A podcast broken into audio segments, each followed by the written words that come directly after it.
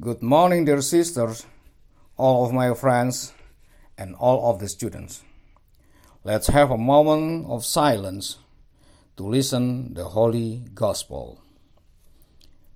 In the name of the Father, and of the Son, and of the Holy Spirit. Amen. The Lord be with you, and also with you. A reading from the Holy Gospel according to Mark chapter 6, verse 45 to 52. Glory to you, Lord. Immediately he made his disciples get into the boat and go before him to the other side to Bethsaida, while he sent the multitude away. And when he had sent them away,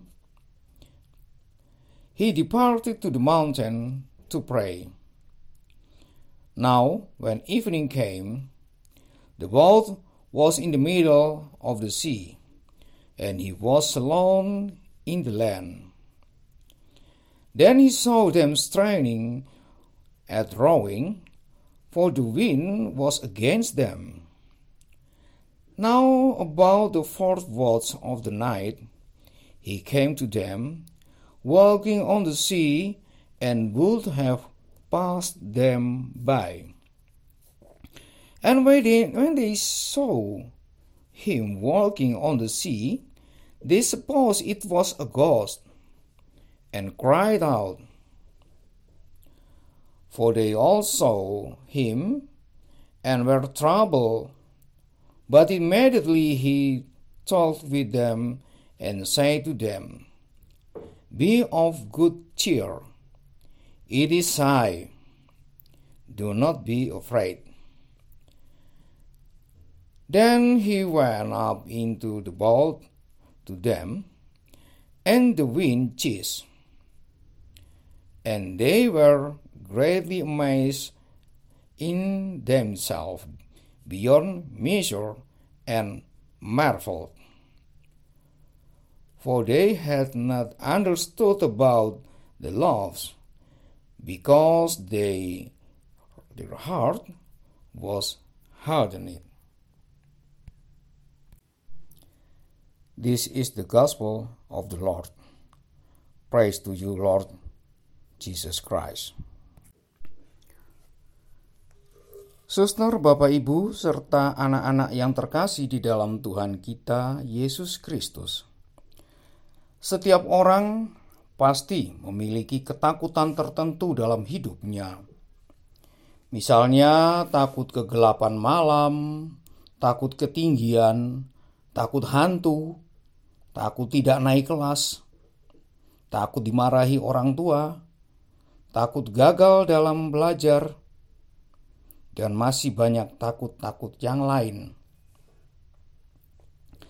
E, perasaan takut itu bisa jadi penghalang bagi seseorang untuk melangkah maju dalam usaha dan kebaikan. Para murid dalam Injil tadi juga mengalami ketakutan, sebab Badai angin sakal mengombang-ambingkan perahu mereka. Angin sakal itu angin yang berasal dari depan ya.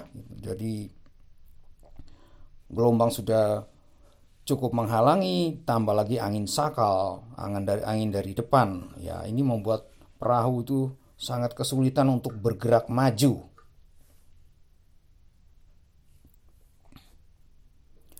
Dalam ketakutan itu, Yesus hadir dan berseru, "Tenanglah, Aku ini, jangan takut." Namun, para murid tak mengerti dan tidak mampu melihat kehadiran Yesus. Suster, Bapak, Ibu, dan anak-anak yang terkasih di dalam Tuhan kita Yesus Kristus, sering kali dalam kehidupan kita sehari-hari pun sama seperti murid-murid uh, yang ada di dalam perahu itu. Kita sering kali tidak menyadari tentang kehadiran Yesus di dalam kehidupan kita. Rasa takut yang berlebihan ini membuat kita mudah berprasangka buruk, sehingga sulit melihat dan melakukan kebaikan yang telah Tuhan perlihatkan kepada kita. Marilah kita berdoa. Ya Tuhan, berilah aku keberanian untuk menghadapi berbagai peristiwa dalam hidup ini, sehingga imanku selalu bertumbuh dalam perbuatan kasih. Amin. In the name of the Father, and of the Son, and of the Holy Spirit. Amen.